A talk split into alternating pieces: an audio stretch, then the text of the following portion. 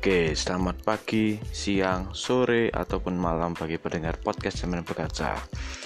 Kali ini aku mau bacain dari buku yang judulnya Minimalisme, Seni untuk Menyederhanakan Hidup.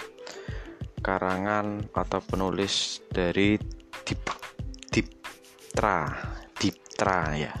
Oke yang aku mau ambil yang aku mau bacain itu judulnya judul subbabnya uh, titik balik.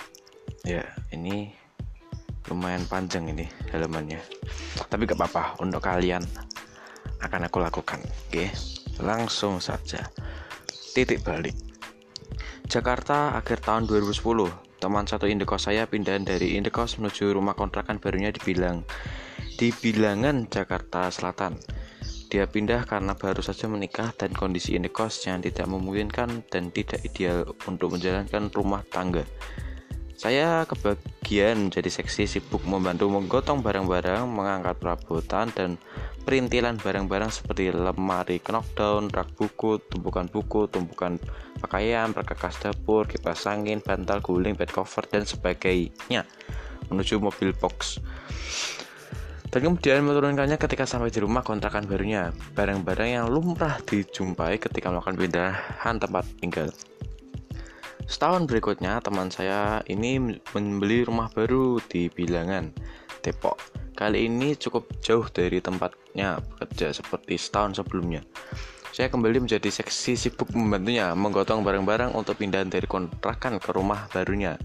Alhamdulillah rumah baru teman saya cukup luas untuk ditempati Pertengahan tahun 2013, sahabat baik saya menikah.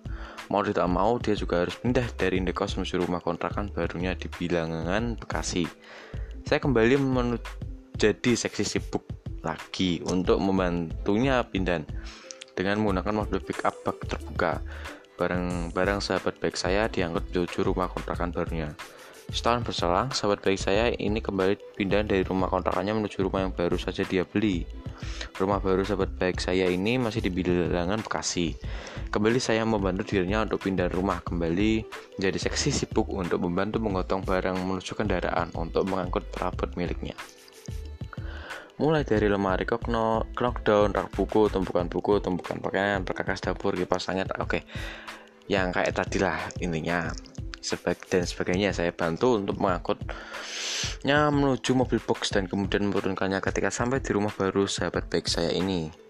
Ada rasa lega saat barang terakhir selesai diturunkan dari mobil box. Barang memang sudah diturunkan dari masa di dalam rumah tapi pekerjaan pindahan ber, belumlah sampai pada akhir perjalanannya. Setelah menurunkan barang-barang, maka pekerjaan menata barang agar suasana ruangan tampak rapi merupakan pekerjaan selanjutnya. Ah, seandainya saja barang-barang yang dimiliki oleh teman dan sahabat saya ini tidak terlalu banyak. Dari dua kejadian membantu teman dan sahabat baik saya pindah-pindah pindahan, saya mendapati satu persamaan di antara mereka. Persamaan itu adalah peningkatan akumulasi barang yang dimiliki dalam satu tahun. Betapa pada pindahan yang pertama hanya menggunakan kendaraan angkutan yang lebih kecil daripada kendaraan angkutan pada pindahan kedua kecepatan akumulasi kepemilikan barang dalam setahun ternyata cukup mencenangkan maksudnya berarti barang kepemilikannya itu semakin bertambah dalam satu tahunnya saya juga mendapati proses pindahan kedua lebih banyak mengonsumsi waktu dan energi daripada proses pindahan yang pertama Kejadian ini menjadi bukti nyata bahwa semakin banyak barang yang kita miliki, maka waktu dan tenaga yang dibutuhkan untuk menjaga dan atau merawatnya juga meningkat. Seandainya saja tidak terjadi peningkatan akumulasi barang-barang yang dimiliki antara pindahan pertama dengan pindahan kedua, tentu jumlah tenaga dan energi yang tercurahkan untuk pindahan akan sama. Ya pasti. Konsumsi waktu dan tenaga menjadi lebih efisien dengan kepemilikan barang yang lebih sedikit. Maka akan tersisa waktu luang untuk melakukan aktivitas lain ketika pindahan, seperti ngobrol-ngobrol untuk menambah keakraban. Dua momentum pindahan inilah yang menjadi titik balik saya untuk menjalani gaya hidup minimalis. Mulai dari sana saya berpikiran bahwa pindahan rumah itu melelahkan jika memiliki barang-barang terlalu banyak. Saya pun merasakan tidak semua barang yang saya miliki bermanfaat untuk kehidupan saya. Sebagian hanya sekali dipakai bahkan ada yang belum pernah saya gunakan sama sekali. Lebih parahnya, saya lupa jika pernah membeli barang-barang itu. Ya memang sih, kalau misalnya naruhnya sembarangan, terus pas kita lagi bersih-bersih nemuin barang itu nggak sadar kok. Misalkan kita tuh pernah, memang pernah apa beli barang itu. Kemudian saya melakukan kilas balik ketika kali pertama saya merantau ke Jakarta. Saat itu saya hanya membawa dua buah tas ransel dan dua buah kardus ukuran kardus mie instan. Saat itu saya hanya membawa beberapa helai pakaian, peralatan makan secukupnya, beberapa dokumen pribadi dan buku-buku. Dua tiga tahun merantau di Jakarta, jumlah kepemilikan barang saya ikut meningkat. Seandainya saya melakukan pindahan indekos beberapa tahun yang lalu, entah berapa tas dan berapa kardus yang saya butuhkan untuk membawa barang-barang milik saya. Berdasarkan pemikiran sederhana itu, saya mulai berkenalan dengan ide-ide tentang gaya hidup minimalis. Pemikiran tentang mengurangi barang-barang yang saya miliki, pemikirannya lebih mengedepankan fungsionalitas daripada gaya, ya berarti berarti penting kuantitas pada kualitas. Sebuah pikiran gaya hidup untuk lebih memprioritas memprioritaskan waktu dan tenaga yang dimiliki untuk hal-hal yang lebih bermanfaat. Oke, ngomongin untuk uh, memprioritaskan waktu dan tenaga yang dimiliki untuk hal yang ber lebih bermanfaat. Aku tuh uh, juga pernah berpikiran tuh gini. Aku itu tuh harus melakukan setiap waktu tuh yang produktif. Karena kita kalau misalkan kita nggak produktif kita kan juga nggak tahu apakah orang lain itu juga seperti kita nggak produktif atau mungkin yang lebih produktif dal dalam uh, mengolah waktunya. Contoh. Sekarang tahun 2020 ya ini bagi pendengar podcast yang mendengarnya ini 2021 ya ini aku ngomonginnya tahun 2020 ya. 2020 contohnya uh, ada nih. Kalau yang sekarang tahun sekarang itu du, uh, yang terkenal tuh kopi kenangan. Nah kalau uh, si foundernya tuh cerita dia tuh mulai bangun kopi kenangan dari tahun 2017 nah aku aku sempat mikir gini orang tahun 2017 itu udah mulai usaha sekarang tahun 2020 aja berarti dari 3 tahun. Dalam 3 tahun itu dia udah mulai uh, usaha dan tahun-tahun sekarang itu 2020 mulai booming atau mulai terkenal banget. Kayak meledak banget itulah omsetnya nah kita pun sebagai consumer atau customer juga juga kadang apa ya mungkin pesaing pengusaha itu juga kaget. Lah tiba-tiba kok di tahun 2020 ada kopi kenangan. Kok bisa rame banget kayak gitu? Nah kita sendiri yang ngomong gitu kan nggak tahu sebenarnya. Sebenarnya uh, si founder itu uh, mulainya dari tahun berapa? Tahun ternyata ya sudah saya tahu dari tahun 2017 nah dalam diri kita sendiri pun merenungkan kan flashback. Hah? dulu tahun 2017 kita masih ngapain ya masih ngapain ya? Apa masih tidur tiduran atau main game atau apalah? Yang nggak penting-penting banget atau nongkrong-nongkrong yang gosipin apa gitu. Ya. Sedangkan orang lain itu pada saat itu sudah memulai sebuah usaha. Ya atau apa pun lah yang lebih produktif dan bermanfaat bagi hidupnya. Nah oke. Okay. itu memang uh, ini mungkin bisa jadi tips atau uh, bisa jadi kalian renungkan ya gunakan setiap waktu kalian tuh untuk hal yang produktif atau yang fungsionalitas dan bermanfaat untuk kehidupan Anda sendiri ke depannya atau untuk saat ini.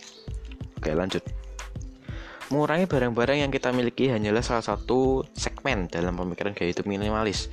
Mengenai hal ini dalam paham gaya hidup minimalis atau minimalisme, barang-barang yang kita miliki lama-kelamaan akan menguasai kehidupan kita.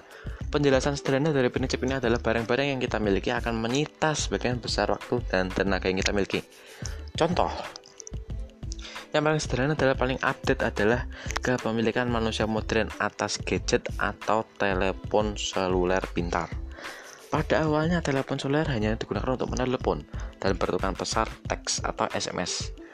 lambat laun dengan perkembangan teknologi, aplikasi, dan jaringan internet. Kebanyakan kita menjadi generasi penduduk, generasi yang begitu lekat dengan telepon selulernya.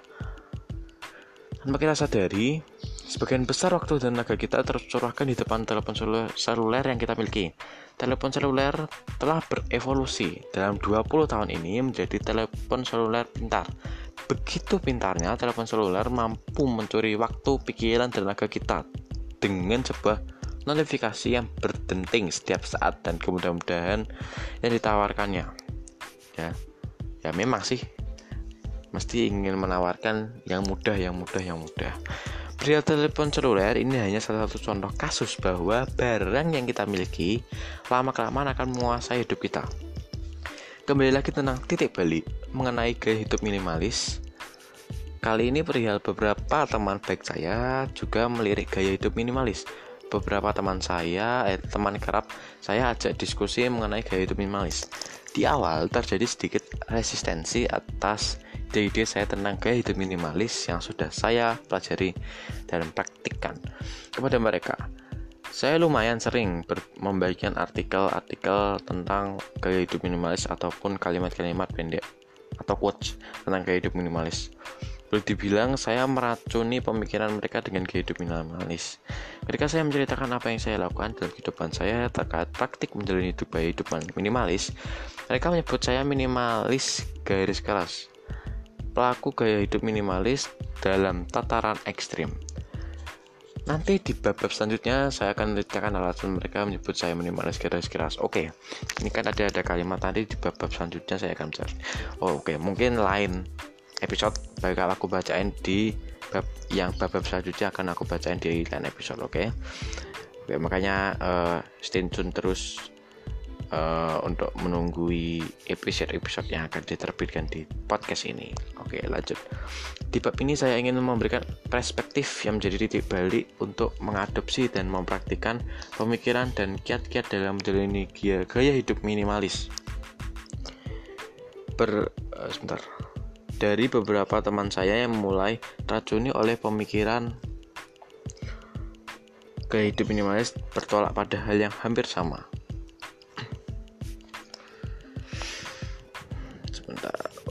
Saya tadi saya mana ya? Oke, mereka merasa kelelahan mengurus barang-barang yang mereka miliki. Kemudian mereka mulai merasakan kelegaan ketika sebagian barangnya mereka kesampingkan untuk dibuang ataupun didonasikan. Ya mendingan kalau memang hasil layak mendingan didonasikan ya. Ujung-ujung sedekah pada dibuang. Ya kalau enggak layak dibuang sih. Salah seorangnya teman saya itu berdomisili di Bandung. Ketika pindahan dia merasakan barang-barang yang dia miliki terlalu banyak Waktu dan tenaga yang dia butuhkan untuk pindahan begitu melelahkan, terutama barang-barang dengan volume dan masa yang besar seperti kasur, dipan, dan almar almari begitu melelahkan ketika dibawa untuk pindah. Dibutuhkan waktu lebih dari satu hari untuk berkemas, mengangkut barang-barang, perabotan rumah tangga, hingga membongkar dan menata barang di tempat tinggal yang baru. Dari pengalaman ini, dia mulai berpikiran untuk mengadopsi gaya hidup minimalis. Lain lagi dengan saya yang berdomisili di Magelang. Dia mulai terpancing menjalankan ide tentang gaya hidup minimalis ketika melihat tumpukan buku miliknya yang sudah tidak baca lagi. Jumlahnya mungkin mencapai ratusan. Uh, mantap. Udah ratusan gak dibaca lagi. Gue ya mau itu buku-bukunya kemudian dia bertekad menjumlahnya mungkin mencapai ratusan. Kemudian dia bertekad mengurangi kepemilikan, bukunya. Dia sempat mengalami adu argumentasi dengan ayahnya tentang tindakannya ini mengeliminasi buku-buku yang sudah tidak dibaca lagi namun entah bagaimana caranya dia berhasil meyakinkan ayahnya untuk melakukan tindakan ini, menyumbangkan atau menjual sebagian bukunya kepada orang lain. Teman saya ini mengambil prinsip buku yang sudah selesai dia baca dan sudah dibaca lagi tentu akan lebih bermanfaat jika diberikan kepada orang lain. Ya, makanya itu kayak ini kayak ini kan kayak gini uh, buku bu uh, saya kan uh, aku ambilkan dari buku-buku terus aku bacakan. Nah, bagi pendengar podcast ini cukup mendengarkan saja. Karena gini loh, salah satu motivasi aku buat podcast karena di awal kan saya eh, aku kan pernah bacain berita-berita dan sekarang bacain buku-buku karena tingkat literasi di Indonesia itu masih rendah jauh lah ceritanya jauh banget uh, chartnya itu kan masih rendah gitu dibandingin negara lain Nah, mungkin dengan podcast ini Cepat Semen Baca bisa membantu kalian dalam mendapatkan informasi atau mengelola informasi dengan baik tanpa membaca secara langsung, tapi cukup mendengarkan. Ya, mungkin kalian bisa mendengarkan podcast ini sambil ngerjain apa uh, sambil belajar atau sambil um, baca buku yang ya novel gitu sambil digarin gini apa sambil ngelukis terus sambil bikin DIY ya ya sebarang lah. Bisa bikin sambilan juga. Oke lanjut. Kak saya mati. Oke teman saya mengalami prinsip uh, Oke, ada getuk tular kesinambungan ilmu dari penulis kepada pembaca yang lainnya. Setelah mengurangi kepemilikan atas buku-bukunya yang menggunung, ada perasaan lega yang teman saya rasakan. Ada ruang yang, yang lapang di dalam rumahnya ketika sebagian bukunya mulai didonasikan. Lebih kurang seperti itulah rasa yang dirasakan ketika mulai mempraktikkan tentang gaya hidup minimalis. Tentu praktik ini bisa diawali dengan mempelajari dan menyerap prinsip dasar gaya hidup minimalis, seperti yang sudah saya jelaskan pada pengertian tentang gaya hidup minimalis di bab awal buku ini. Oke, sebelumnya mungkin aku akan baca episode selanjutnya. Melalui kisah-kisah yang sudah saya baca mengenai orang-orang yang mulai mempraktikkan gaya hidup minimalis, kebanyakan bertitik tolak dari kesadaran akan kepemilikan barang yang berlebihan dan tidak tepat guna. Kemudian mereka mulai merasakan manfaat dan kebahagiaan ketika mulai mempraktikkan gaya hidup minimalis. Saya rasa kini saatnya bagi kamu menemukan titik balik untuk memulai gaya hidup minimalis. Tak perlu uh, terlalu berpikir terlalu mendalam untuk menjalankannya. Coba saja kamu perhatikan suatu lokasi di tempat tinggalmu yang kamu rasakan berantakan. Misalnya, meja belajar di kamarmu cukup berantakan.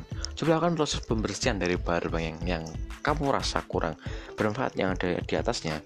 Setelah kamu setelah kamu bersihkan meja belajar itu kemudian praktikan. Apa ada perasaan lega ketika selesai membersihkannya? Jika iya, maka kamu bisa menerapkan hal yang sama dalam lemari pakaian yang selama ini di dalamnya berjubel pakaianmu yang entah kapan akan kamu gunakan. Oke, ngomong-ngomong ya, uh, ini sebelum aku bikin podcast ini juga ini lagi buat DIY buat masang di kamarku ini. Ini masih berantakan dari kamarku sih. Saya belum selesai DIY ini. Oke lanjut dari mana ya oke lanjut sebagai penutup bab ini saya ingin menyampaikan kisah Joshua Becker tentang titik baliknya mengenai mengenal gaya hidup minimalis yang Joshua tuangkan dalam buku berjudul The More of Less Less Less Less Less Less, less, less. pada Sabtu pagi yang cerah di tahun 2008 berlokasi di Vermont Amerika Serikat Joshua Becker mengajak anaknya salam untuk membereskan garasi rumah mereka. Saat itu Kim, istri Joshua, tidak bisa membantu banyak untuk membereskan garasi rumah mereka. Karena Kim harus merawat bayi mereka yang harus berus baru berusia beberapa bulan. Garasi milik Joshua cukup luas muat untuk mobil. Ya ya pasti dong. Ngapain kau nggak buat untuk mobil garasinya? Namun garasi Joshua tampak beralih fungsi menjadi gudang. Lah kado saling menumpuk satu sama lain dan bisa membahayakan orang yang lewat di dekat tumpukan kardus itu dikhawatirkan tumpukan kardus itu menimpa orang lewat untuk membersihkan garasinya, Joshua dengan bantuan Salem mengeluarkan segala rupa barang yang ada di dalamnya ke pekarangan depan rumah. Naas bagi Joshua karena Salem mendapati mainan miliknya yang sudah lama tidak Salem mainkan. Seorang anak berusia 5 tahun tentu akan memilih bermain dengan mainannya pada membantu membersihkan garasi rumah bersama ayahnya. Akhirnya Joshua membersihkan garasinya yang tertutup debu sendirian. Joshua berhenti membersihkan garasinya untuk beristirahat dan makan siang. Ketika kembali menuju garasi rumah, Joshua mendapati tetangganya. Jun, ini June, ini bahasanya Jun ya. Jun sedang merawat tanaman eh, taman di pekarangan rumahnya sendiri. Saya belum menyapa Jun dengan lambaian tangan, Joshua kembali meneruskan pekerjaannya membereskan garasi yang sudah dia mulai sedari pagi. Lantai garasi yang dipel tadi pagi sudah mulai mengering. Joshua mulai memasukkan kembali barang-barang yang ada di pekarangan depan rumahnya dalam garasi. Ketika memasukkan kembali barang-barang ke dalam garasi, Joshua merasakan ketidakpuasan dalam dirinya atas barang-barang yang dia miliki. Melihat ekspresi ketidakpuasan Joshua, Jun yang sedari tidak memperhatikan uh, kerja keras Joshua mulai memberikan komentar atas apa yang sedang dialami oleh Joshua. Sebagai wanita dengan usia lanjut, aktivitas Tas Jun sehari-hari banyak dihabiskan untuk merawat rumah miliknya. Sejurus kemudian Jun bertutur kepada Joshua bahwa anak perempuan Jun adalah seorang minimalis. Jun menunjukkan bahwa anak perempuannya itu kerap menasihatinya bahwa Jun tidak perlu memiliki dan menyimpan barang di rumah sebanyak itu. Tiba-tiba saja Joshua mendapatkan pencerahan dari penuturan Jun. Nasihat sederhana yang disampaikan oleh anak perempuan Jun kepada Jun merasa beresonansi dengan apa yang sedang Joshua alami. Barang-barang yang dimiliki Joshua, khususnya gunungan barang-barang di dalam garisnya, tidak melahirkan rasa puas dalam hati Joshua. Joshua sudah lama menyadari bahwa kepemilikan atas barang-barang tidak ada korelasinya terhadap kebahagiaan. Namun ketika dia berjalan berkutat mengamati tumpukan barang miliknya, Joshua menyadari hal baru, yaitu barang-barang memang tidak memiliki korelasi terhadap kebahagiaan. Lebih daripada itu, kepemilikan barang-barang secara berlebihan mengaburkan tentang adanya pekerjaan-pekerjaan penting lainnya yang seharusnya dilakukan. Ya, yeah, barang-barang yang kita miliki secara berlebihan menimbulkan distraksi atas hal-hal yang benar-benar penting. Dari titik balik itu, Joshua mulai menuliskan pengalamannya selama menjalani gaya hidup minimalis. Joshua menuturkan kisahnya dalam blog Become Minima, Become Minimalist.com. Selain menulis, Joshua juga melakukan berbagai seminar atau kuliah berkaitan dengan proses edukasi tentang gaya hidup minimalis di Amerika. Mengingat budaya konsumsi begitu mengakar kuat di Amerika, bukan satu hal yang mudah, tapi gang hidup minimalis semakin nyaring terdengar di sana. Oke. Sebab yang kali ini titik balik sudah selesai sampai sini. Cukup panjang juga ya. Ini kalau di bukunya itu ada 1 2 3 4 5 6 7 8 9 9 halaman. Oke nggak apa-apa deh aku bacain buat kalian semua bagi pendengar podcast ini Oke intinya mungkin dengan kita melihat uh, kamar kita lah yang paling utama yang mungkin kita sering tempati kamar kita dengan uh, melihat kamar kita yang bukan kosong sih ada space ruang yang agak luas. Kan kayak di hati itu rasanya juga agak lega nggak sumpek gitu loh rasanya. Pertama itu terus juga tadi ceritanya itu yang tem apa yang bantu teman pindahan itu juga nggak membuang waktu dan tenaga lebih banyak dalam merawatnya ya. Uh, terus ya ya itu sih intinya. Ya oke. Okay. jangan kelewatan ya. Saya uh, selalu saya ingatkan jangan kelewatan dalam podcast Eh, episode-episode podcast Renung Berkaca bagi kalian yang mau uh, ngobrol dalam podcast Renung Berkaca kalian bisa klik link di deskripsi podcast ini bukan di episode ini ya tapi di podcast di paling atas itu ada link WhatsApp kalian bisa uh, eh, WA aku kalau mau uh, uh, ngobrol bareng di dalam podcast. Oke, okay. seperti biasa, Terima kasih.